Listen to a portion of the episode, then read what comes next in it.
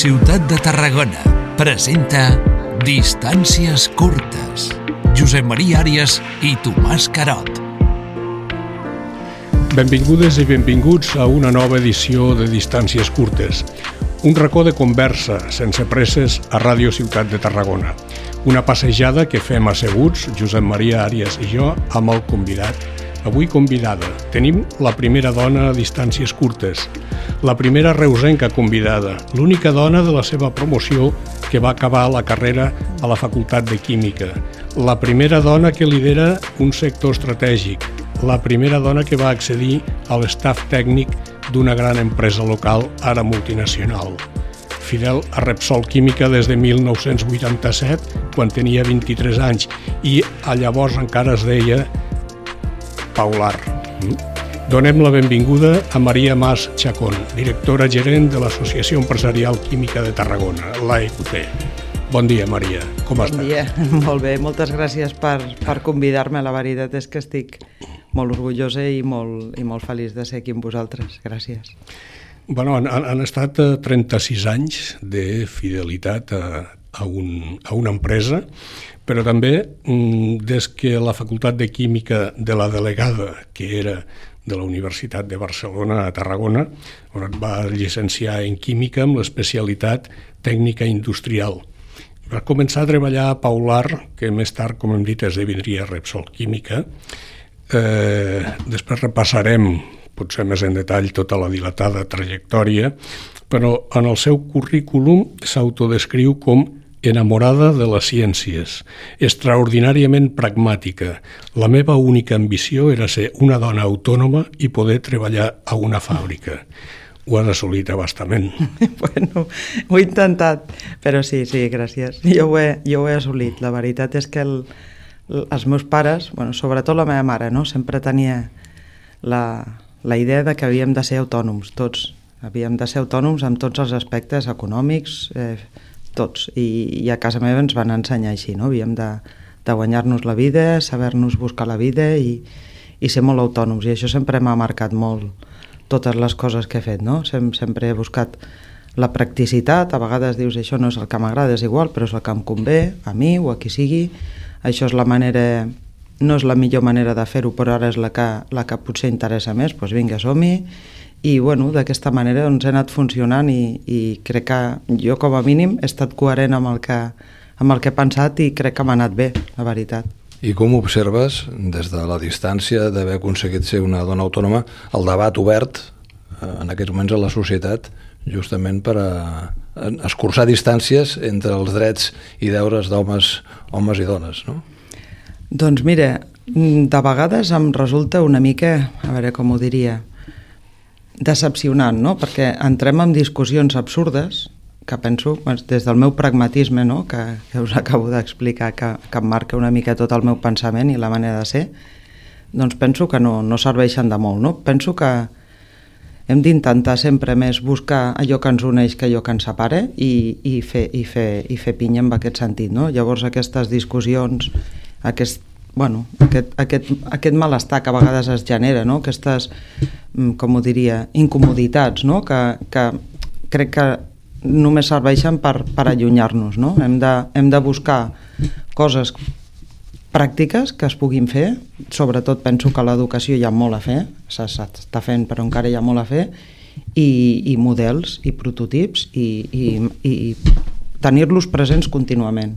Però hi ha coses que han canviat, perquè tu vas ser l'única dona de la teva promoció i en aquests moments tenim una universitat en general, les, el de ciències potser no tant, molt feminitzada.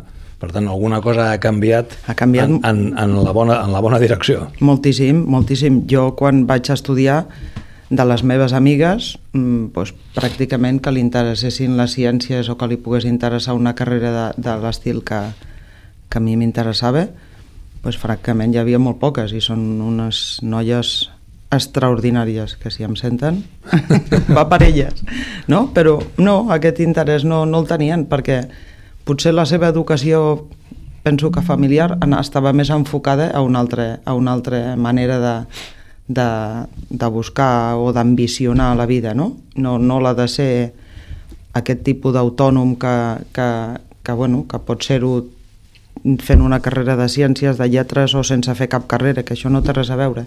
És la manera, la manera d'enfocar les coses, no? Però ha canviat moltíssim. També t'he de dir que jo no era conscient de que estés fent res extraordinari. De fet, a mi m'ha semblat sempre tot molt normal el que he fet. bueno, de fet, crec que és molt normal el que he fet, no? El que, el que no és normal és que algú, per exemple, vulgui estudiar una carrera de ciències i no pugui. Això, i, i menys si és una dona. Això no hauria de passar mai. Està clar que hem, ens hem acostat molt a donar aquestes possibilitats, obrir les possibilitats i això pues, es nota, es nota moltíssim. Potser per això un dels himnes que ha acompanyat a Maria Mas és una cançó que sentirem ara de, de l'any 78 de Gloria Gaynor. sí.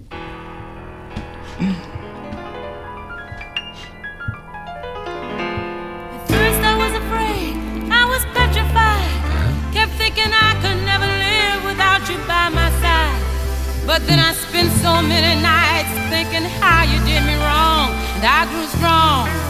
And I learned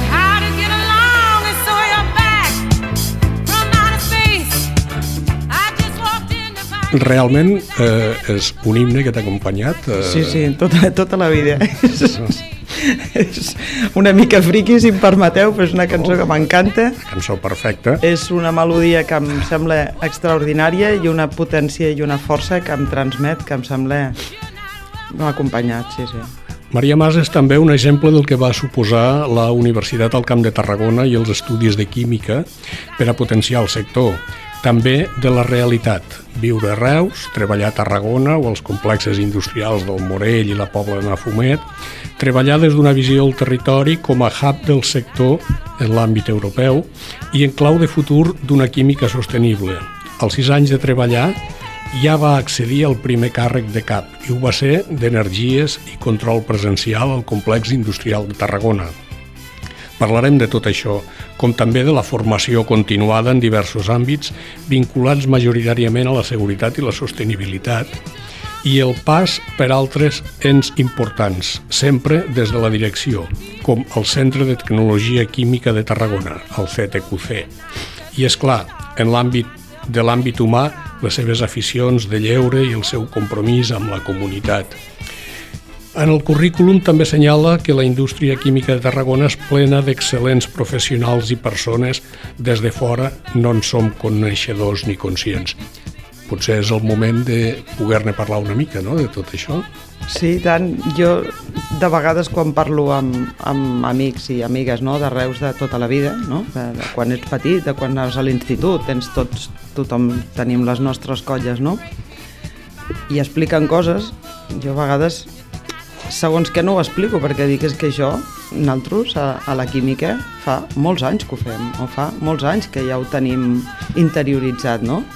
i, i me'n dono compte que, que realment he tingut la fortuna d'estar rodejada d'uns professionals extraordinaris. Realment és, és una qualitat eh, professional i també de dir que humana extraordinària i no en som conscients perquè sempre ha estat com un, com un reducte una mica si em permeteu, una mica al marge, no? És com que no hem acabat d'entrar, no hem sabut acabar d'explicar de, què som i, i què fem, no? i com ho fem. I això penso que és un valor que encara no hem, hem assolit. Però no ho heu sabut eh, acabar d'explicar, no heu trobat la fórmula o la gent mm, escolta allò que li convé? Ho dic perquè el, el, la discussió sobre la indústria química és històrica, amb diferents matisos, no? I sempre hi ha hagut com una mena de sí però no. Ho volem, i ho acceptem perquè és una de les activitats econòmiques generadora de, de riquesa més, més significativa com al costat de, de, del turisme, però hi ha alguna mena d'element que fa eh, que sigui difícil la confiança, no? Després ja parlarem també de, la, de situacions de crisi, d'accidents, d'equivocs i d'altres mm. coses, no?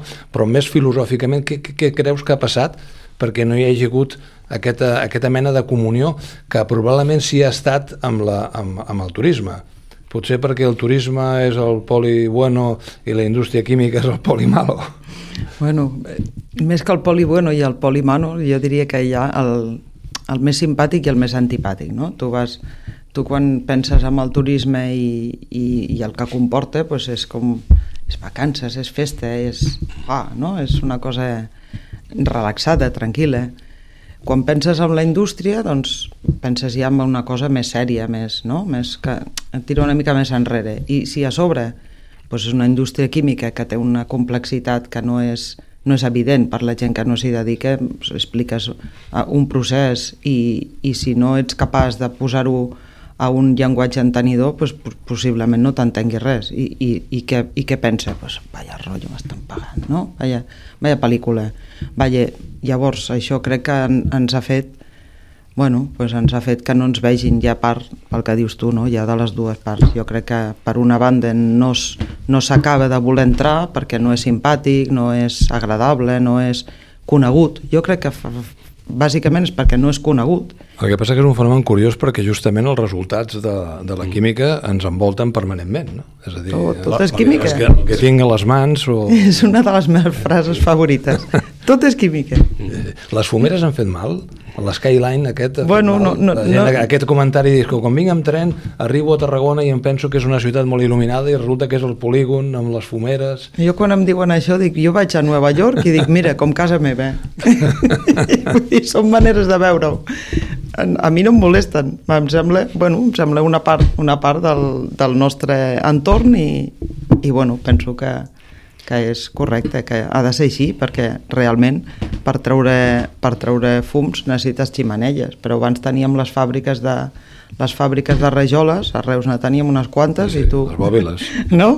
I ningú els molestaven i feien el mateix, vull dir, bueno, Eh, potser sí que en el curs d'aquests anys s'ha anat també transformant la consciència i la percepció de la societat respecte a la indústria. I un, una prova és que, per exemple, hi ha una certa pau social en tots els àmbits i sentits. La EQT és un ens prou reconegut i reputat del sector i això també es demostra en les millores constants i progressives i graduals segons permet la ciència i la tecnologia que s'incorporen a la indústria i percebre eh, aquests canvis en positiu. L'any 2011, que va ser l'any internacional de la química, al centre de Tarragona va haver-hi una exposició que potser va suposar una mica un punt d'inflexió d'entendre això, de que tot és química. Eh, caldria més accions, diem-ne gota a gota, pluja fina, mm, con, accions continuades perquè aquesta eh, percepció es mantingués i... Nosaltres pensem que sí, o sigui, si, si algú com a granet d'arena no, podem aportar és això, és intentar divulgar, intentar fer pluja fina, com dius tu, penso que és la, la millor manera, i sobretot arribar a la gent jove, no? que de vegades pues, el, alguns missatges dels que els hi arriben doncs no, són, no són del tot eh, objectius i, i agafen consciències anti-indústria que realment no estan justificades amb dades ni, ni, ni amb visions eh, documentades. No? Això és important i intentem fer això. De fet, ara el mes de novembre, per exemple, és un model bueno, un model, no, tots els mesos com aquest no podríem aguantar, perquè, però bueno, és un model d'activitats, no? perquè com sabeu el 15 de novembre és Sant Alberto Magno, que és el patró dels químics, i al voltant doncs, d'aquest doncs, dia sempre es fan moltes activitats a la universitat sobretot, i nosaltres doncs, col·laborem amb ells i, i patrocinem algunes activitats. No? I una d'elles, per exemple, per, pel que deies, no? és el, la Setmana de la Ciència, no? i portem doncs, molts escolars de, de, de Tarragona, província, no dic de Tarragona ciutat, que venen allí a fer un taller manipulatiu, no? perquè d'alguna manera doncs, es vegi que, que la ciència doncs, és, és una manera de pensar, és una manera de desenvolupar i de créixer, no? i t'acompanya amb tot, no, no, no fa falta que sigui facis el que facis t'anirà bé. I manipular i fer coses eh, d'aquest estil doncs acosten al coneixement del que és la indústria, del que és la química i sobretot pretenem intentar perdó, despertar vocacions científiques que, que puguin aportar valor a casa nostra, que al final és el que, el que volem i que amb ells els ajudi a créixer i a sentir-se persones desenvolupades i útils, no? que és el que busquem tots. Sí, estem d'acord que la, el principal combustible de la percepció és la informació, Clar, aquesta, aquesta feina no la fa només un sector, sinó que fa el sector amb, amb conversa, amb comunitat, amb les administracions públiques, amb els col·lectius diferents, col·lectius ecologistes, i que tenen una especial cura i que són molt reivindicatius amb el manteniment del medi ambient. Eh, abans el Tomàs parlava de que estem en una època d'una certa pax romana, realment s'ha trobat aquest punt d'equilibri de confiança de l'administració respecte a la indústria química, de la indústria química respecte als col·lectius eh, ecologistes que fan una feina de sensibilització que a mi em sembla que és, és, és fantàstica sempre i quan, diguem-ne, obeeixi a fets objectius o objectivables, no? Nosaltres estem sempre disposats a parlar i, i a col·laborar amb tothom que, que tingui una actitud positiva i, i respectuosa. Nosaltres sabem que la nostra activitat té una empremta de carboni, som conscients.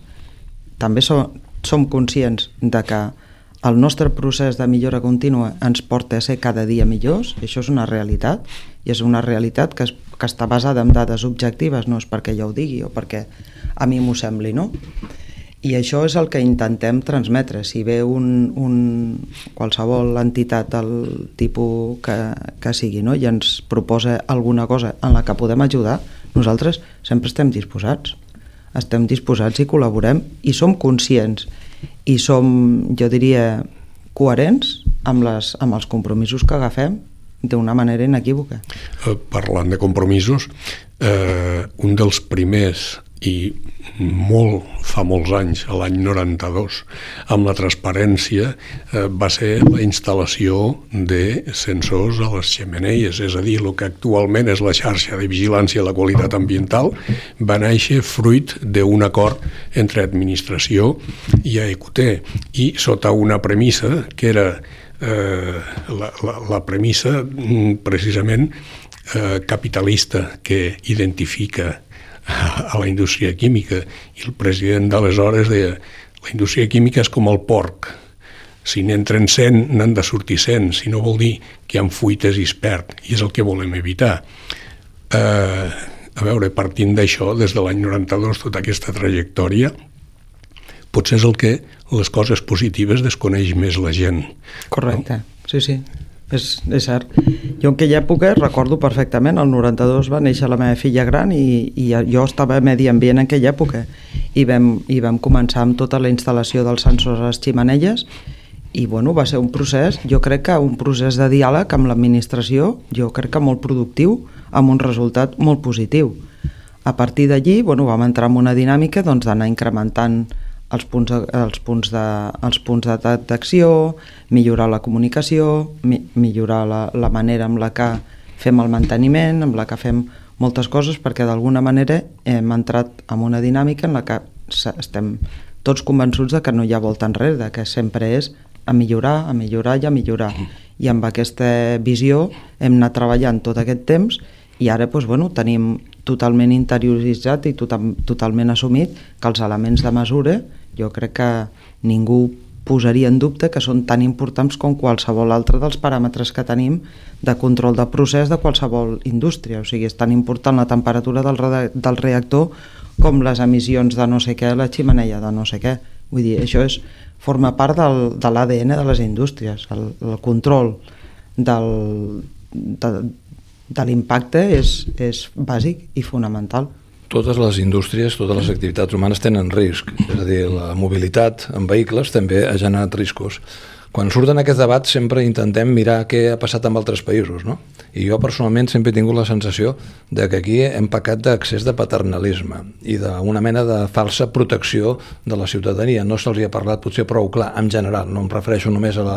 tot l'ecosistema, eh? l'administració respecte a la indústria, i que sobte que parlant, en, eh, per exemple, d'energia nuclear hi hagi països on eh, avisar, informar, eh, plans de, de, de, de simulacres siguin una cosa assumida des de fa dècades. I aquí hi ha hagut d'haver un accident com el d'Icoxe com perquè hagi actuat com a revulsiu de dir, escolteu, posem-nos les piles i comencem a tractar a la ciutadania com a, com a adults. No sé si és una percepció equivocada o... Bueno, so, sobre el tema dels, dels simulacres, per exemple, jo tinc que dir que el que és un simulacre intern, nosaltres els fem mm, contínuament. Nosaltres a les plantes, bueno, les plantes i en general en els complexes, cada, cada empresa té els seus programes, però totes segueixen uns patrons molt semblants. Hi ha unes dinàmiques d'execució de, de, de simulacres d'emergència molt regulars i, i es fan de manera que agafis tots els torns, agafis els dies laborables i els dies de caps de setmana, agafis un dissabte al vespre, agafis no? situacions amb les que potser no és tan habitual tenir a tothom a la mà no? i que tothom estigui, estigui a prop no? i es practiquen, es practiquen les comunicacions que s'haurien de fer, es practica... Tot això és una dinàmica ordinària i, i jo crec que tothom ho té molt assumit i no és des d'ara, ara s'ha anat millorant sobretot perquè les eines informàtiques i tot això ens ho facilita tot molt, però s'està fent. Però jo ho sabeu del sector. Des del, des del punt de vista... pública, des del punt de vista de, de, de fer simulacres, eh, diguem-ne, en col·laboració amb l'administració, bueno, doncs les coses són més difícils perquè s'han de coordinar moltes coses i jo amb aquest tema no us podria dir molt més. O sigui, nosaltres quan ens demanen col·laborar per fer un simulacre eh, sempre, estem, sempre estem disposats a col·laborar Aquí no sé si és el cas, però sempre hi ha una mica també aquella, aquella discrepància o aquella incoherència no? entre fer-ho molt i, o no fer-ho, si ho fas molt potser generes alarma, si no ho fas tens eh, una desprotecció. Jo crec que com tota la vida s'ha de buscar l'equilibri, jo crec que de, les coses han de practicar, si no les practiques no les saps.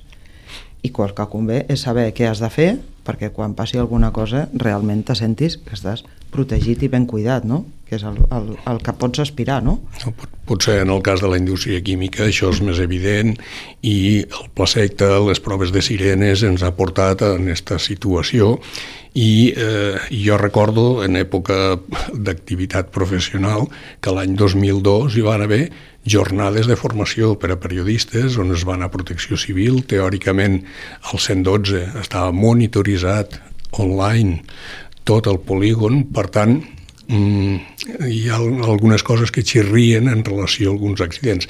També d'accidents recordo el del 92 a Tedessa, que va ser molt espectacular, sense víctima. A la pressió que hi havia. La pressió, sí. Sí, sí. però, eh, és a dir, el que després, al cap de dos anys, es va explicar que aquell accident va servir per millorar la seguretat de tots els processos de tot el món, la notícia va quedar relegada a breus perquè, clar, no és espectacular. I, en canvi, va ser un progrés important, diguem-ne, generat des de Tarragona a partir de la reflexió, estudi, anàlisi i millora. Igual que també el, el forat de la capa de l'ozó. La química va ser el problema, però va ser la solució. La química és la solució per als problemes ambientals. La química sempre és la solució. No, és que no, no, no tinc cap dubte ni cap percepció. La química sempre és una disciplina que dona solucions a tot. La enginyeria química pues, la posa a, a l'abast de les indústries, hi ha diferents disciplines que cada una portarà l'aspecte, però la química sempre, sempre forma part de la solució. Exemples ne tenim, no sé, si podria estar parlant aquí un rato, no? Vull dir, qualsevol cosa que tu facis amb, amb les aigües per potabilitzar-les i per tractar-les, per millorar-les, passa per la química. Qualsevol eh, entrada en un quiròfan perquè t'han d'operar o qualsevol cosa que et fan, te, connecten, te comencen a connectar coses de plàstic, ningú, li, ningú entendria que li connectessin coses d'un altre material, no? I, I tot i això, la gent, de vegades, doncs, fem un, un atac als plàstics així indiscriminat, com dient els plàstics són dolents i la resta és bo. Bueno, els plàstics són uns materials fantàstics per determinades aplicacions, no estan superats per cap material i, i crec que fa, tardarem molts anys a veure un substitut, no? Llavors, la nostra vida mm, ens la facilita la química, el plàstic, ja us dic, que amb una operació, doncs, tots els, els, el que t'enxufen, tot és de plàstic. Si, si vas a mirar fa quatre dies la pandèmia, les mascaretes suposo que sabeu que també són de plàstic, o sigui, és un, una fibra. I això bueno, doncs ens ha permès protegir-nos i, i ens ha permès tirar endavant. Evidentment, la vacuna ja si me'n vaig a la part química ja mèdico-química, doncs, mm, és impressionant. tot el que ha portat la química a la vida, o sigui, ens ha permès duplicar la nostra, la nostra vida, la nostra edat, eh, amb, amb els darrers 50 anys, no? O sigui... El- Em caldria enfatitzar la, forma, la, la formació i la informació amb la gent més jove, dic perquè Sí, a, a vegades, sí, a, a, a vegades ten, tenim la impressió, jo tinc la impressió de que estem educant consumidors i tothom cone, coneixen, coneixen el, els productes finals, però desconeixen o no hi posen atenció a que tot allò és possible no per art de màgia. No sé si això s'ha de resoldre a primària, secundària, perquè quan arribes a la universitat, els que arribin, o a la formació professional, hi ha certes visions del món que ja les tens estructurades i que és més difícil no? de, de, de, de, de, facilitar la convivència. Sí, sí, estic d'acord. Jo crec que ha de ser mm, cap baix, cap baix, o sigui, s'ha d'entendre que aquest, aquest jovent nostre, no?, que van tots amb aquestes bambes, no?, bambes, sa- sabates esportives, no?, que tenen unes soles així, doncs això, això, mm, d'on surt això? Pues això surt de les, de les químiques, perquè realment aquell producte doncs un producte, a més, super treballat, amb, amb una quantitat de coneixement darrere que ens quedaríem tots eh, clavats, si ens ho expliquessin, perquè per fer allò hi ha un munt de ciència darrere. Dius, això no ho saben. No, crec que no s'ho plantegen molts d'ells, no? Llavors, per què? Perquè tenim les coses tan fàcil que tampoc ens plantegem grans, grans debats no? En, al voltant d'on t'ha sortit això o com pot sortir, perquè ens falta, jo crec, eh? perdó, per això és una opinió molt personal, interès científic, no? Interès- Jo sempre dic, pregunta, Sí, però falta interès científic o falta també un acostament entre els sectors productius i, la, i, la, i el sistema educatiu. Perquè aquest debat, aquest debat que ara podíem obrir sobre, sobre la indústria química o sobre l'activitat química el, trobarien en altres, el trobaríem en altres camps de, del coneixement. No? Eh, en el cas del nostre ram, és que s'estan formant més periodistes dels que el mercat pot arribar a absorbir, que és una mirada, alguns diuen mercantilista, però que al final jo crec que ha de ser molt pràctica perquè el que està en joc és el futur personal i professional d'aquella persona, dona o home, que decideix estudiar química o estudiar periodisme o estudiar arquitectura o fer un cicle formatiu de, de, de restauració o d'una altra activitat. No, no, no, S'ha d'acostar més això? Jo crec que ens, ens acostem, potser no el que, el que, el que seria l'òptim, però intentem acostar-nos i sobretot no sol, no sol amb el que serien les carreres universitàries, que també, no? però amb el que són les formacions de, de nivell mig, no? les FPs. Nosaltres les FPs d'operador de, de planta química, per exemple, o, o qualsevol altre d'electricistes, de tuberos, o sigui, totes aquestes, aquestes feines que són feines professionals, que necessiten professionals qualificats, o sigui, un lampista no és, un, no és una persona mm, sense formació, necessita una formació i una formació correcta, perquè cada cop les coses són més complexes i necessiten més formació, no? Nosaltres això i, ho, ho intentem fomentar i intentem pues, ajudar a, a que es coneixi i a que la gent hi vulgui accedir. D'alguna manera, la indústria química va ser capdavantera en la formació dual, no? I Correcte. que s'ha- extrapolat i exportat diguem, a altres sectors i territoris. Bueno, nosaltres col·laborem amb els, amb els eh, ajuntaments, perdó, amb els eh, instituts Mhm. de, de Tarragona doncs, per fer pràctiques a, a la indústria química, pràctiques dual. De fet, a l'EQT també ara tenim, cada any tenim un, una persona d'administració, comptabilitat també que fa pràctiques amb nosaltres com una manera d'exemplificar no? i dir, o agafeu aquest jovent i donem-li oportunitats i, i que vegin que aquí, a casa nostra, podem tenir feina per ells i que ells poden aportar valor, no? Ara que heu parlat de la EQT, què, què, què és la EQT? Perquè la gent ho entén com la patronal que a lo millor se- s'enfronta amb els sindicats i enfrontaments mm, és evident que no n'hi ha, perquè com a mínim fa molts anys que no hi ha vagues.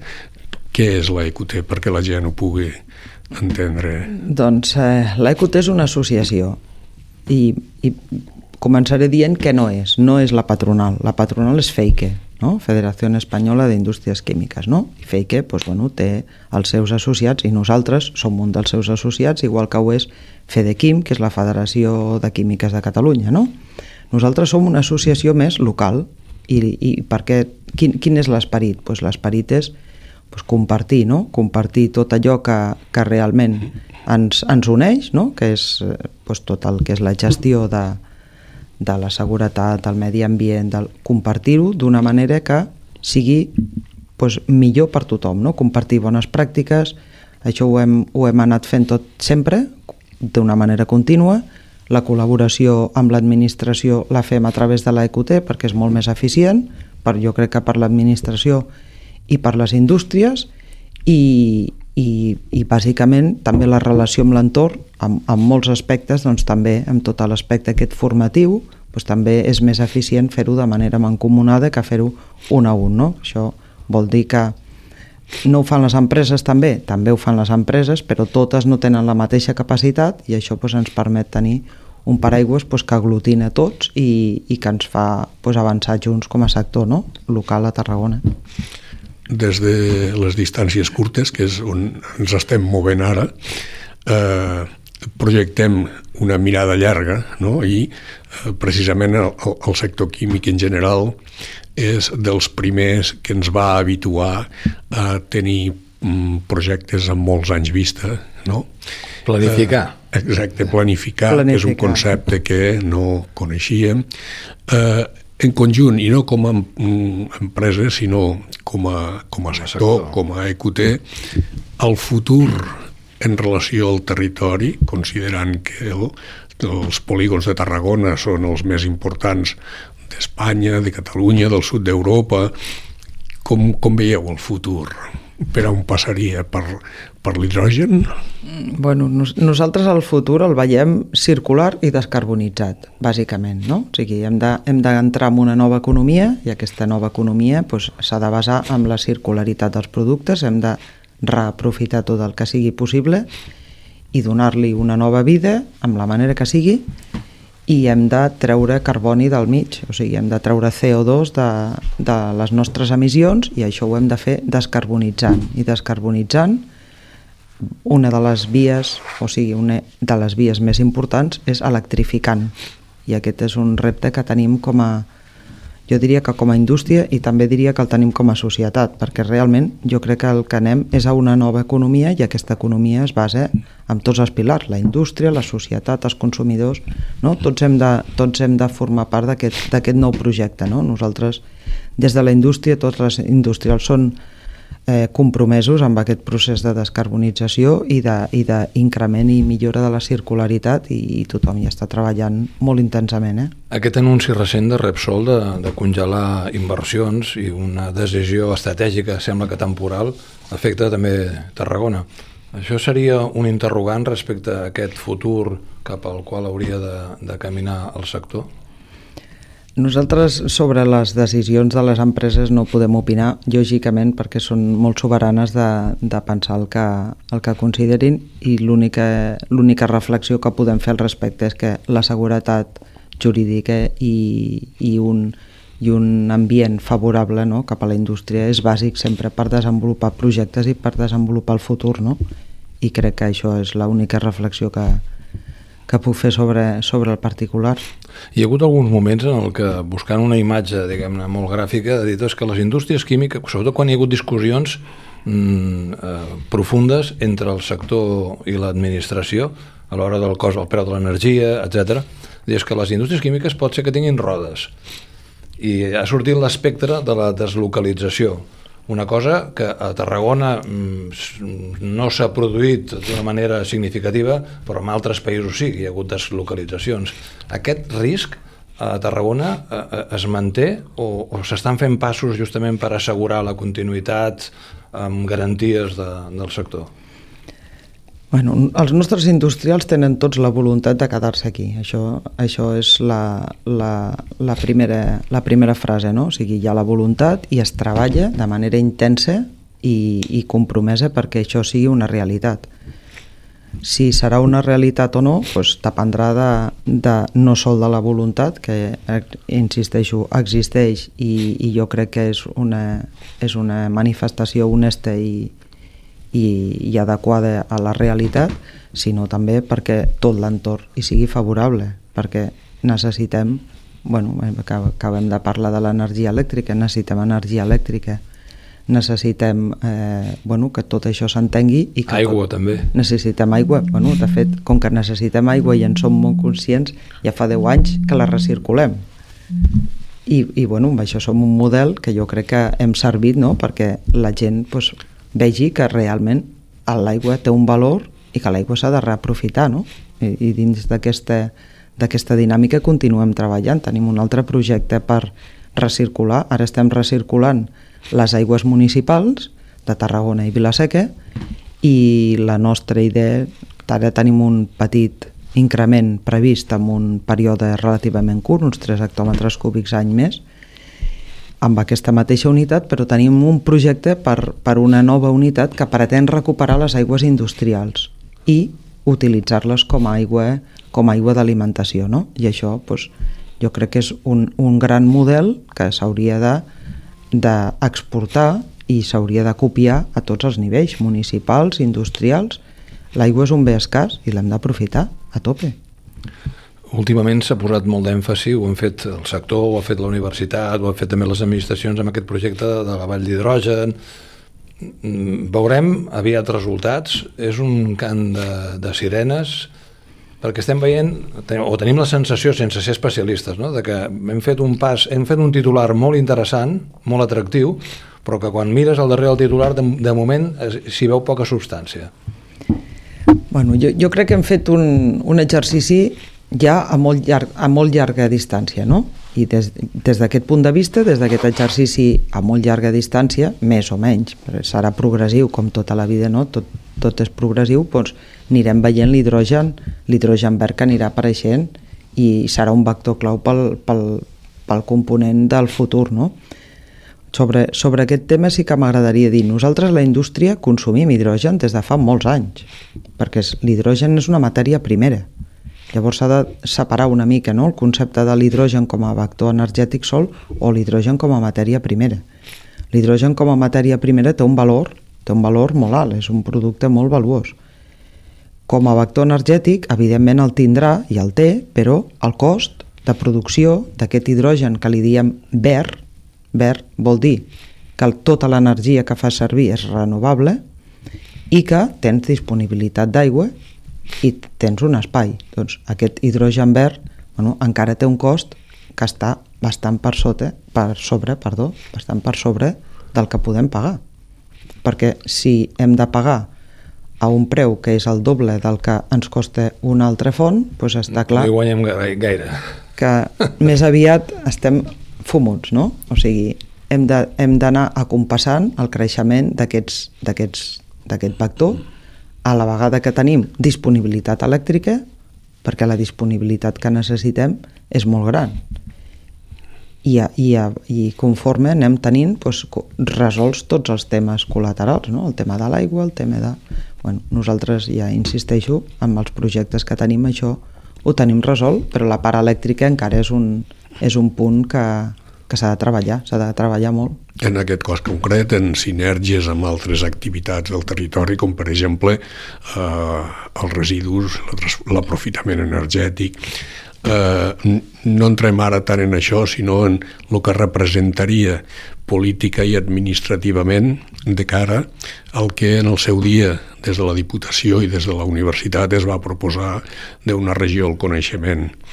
Eh, el que podria arribar a ser una àrea metropolitana del Camp de Tarragona, tenint en compte que precisament el sector industrial és transfronterer de municipis. No? Per tant, eh, seria un element eh, que contribuís al desenvolupament d'aquesta regió del coneixement, àrea metropolitana, que segurament seria beneficiós pels ciutadans, el sector químic seria un agent nosaltres, totes les activitats eh, al voltant del, del territori que, que ajudin a cohesionar i a tirar endavant estarem, estarem encantats de col·laborar-hi. Nosaltres, concretament, amb aquest, amb aquest aspecte, hi ha un aspecte que nosaltres trobem, trobem que té molt potencial de millora i és el tema de, les, de tot el que és la gestió administrativa davant de, de lo que són permisos i, i tota aquesta part, diguem-ne, que va associada als projectes i, i a les modificacions o creixement o qualsevol altre aspecte. No? Llavors, si tot això fóssim mm, capaços, l'administració sabem que ja està treballant, ja està treballant amb un tema, doncs, ja, ja ho ha fet ja ha fet un, un, una redacció diferent no? per projectes estratègics que permet que l'agilitat de, de les tramitacions doncs pugi, però bueno, insisteixo que aquí hi ha, hi ha capacitat de millora i bueno, tot, totes aquestes actuacions que puguin anar enfocades a millorar la governança i a facilitar els, la gestió dels administrats, doncs eh, segur, que, segur que ens anirien bé a tots. Tant els alcaldes de, nous alcaldes de Tarragona com de Reus han manifestat el seu interès en impulsar aquesta àrea metropolitana, l'actual president de la Diputació també ha manifestat el seu interès, Vam estrenar aquest programa amb una conversa amb Josep Poblet, Poblet i ell ens va dir una cosa que a mi em va quedar molt atenció i és a dir, eh, sí, però pensem que nosaltres no som com l'àrea metropolitana de Barcelona. O sigui, les nostres necessitats, la nostra realitat és una altra. Cal fer un exercici previ d'anàlisi per saber exactament cap on hem d'anar per no caure en mimetismes eh, erronis? Sí, sens dubte, jo crec que el, quan has d'arrencar un projecte és molt, molt, molt bàsic i molt important, crec jo, fer una anàlisi prèvia perquè realment tu coneixis bé el que tens i sobretot defineixis a on vols anar, però d'una manera molt realista, no? no? no generant expectatives que després poden semblar fum i, el, i, i crec que per l'únic que serveixen és per, per, bueno, perquè els escèptics pues, puguin carregar en contra dels projectes. No? Vull dir, hem de fer crec jo, projectes amb una bona anàlisi, una planificació. Jo crec que és fonamental la planificació. Les coses no es poden anar d'un d'una setmana per l'altra i ara aquest mes i l'any que ve i, o sigui, es necessita planificar s'ha de tenir el compromís de totes les parts per tant s'ha de tenir clar quin és el futur que volem, com el volem i a partir d'allí doncs, tirar I, enrere. No? I les necessitats objectives que pensem que té la població per evitar frustracions, perquè sí, d'aquesta sí. qüestió fa dècades que se'n parla, hi ha hagut estructures que s'han posat en marxa i que finalment han acabat el calaix de, mm. de, dels somnis. No? Sí, sí, sí, està clar. Maria, el temps passa inexorablement i, I ens, podríem estar xerrant molt i a més molt a gust, entenc, no? Però eh, com, com t'has sentit, quin podria ser l'últim missatge? Bueno, l'últim missatge és, eh, és de, de positivitat, no? Crec que, que tenim un territori i, i un futur conjunt, i ho dic des de, des de la posició de directora de, de l'associació i, i com a ciutadana de, en aquest cas de Reus, no? Però, de Tarragona, o sigui, no tinc cap problema, nosaltres som tarragonins, és la nostra província i, i estem encantats, tenim un futur comú i, i penso que venen temps difícils però que si tenim les idees clares del que volem i treballem per fer-ho serà una realitat que, que aquest futur continuï sent mm, conjunt i millor que el que hem tingut fins ara. Sobretot perquè les noves generacions eh, tenen una altra mirada, són molt més pràctics, eh, són com la Maria quan va començar a estudiar la carrera fa molts anys, no? Sí, sí. Ara s'ha de, de fer, jo crec que un exercici de, de saber on som, com has dit tu abans molt bé, no? planificar, mirar endavant i treballar perquè tot això sigui una realitat i adjuntar interessos i, i esforços, no? I mancomunar esforços, sí, sí. Moltes gràcies i potser els darrers segons són per Brian Adams que acaba la seva cançó Everything I Do i quan et trobes aquí no buscaràs més, potser és això, no? Ja ets aquí i no cal buscar més. Gràcies, Exacte. Maria. A vosaltres, Gràcies. un plaer.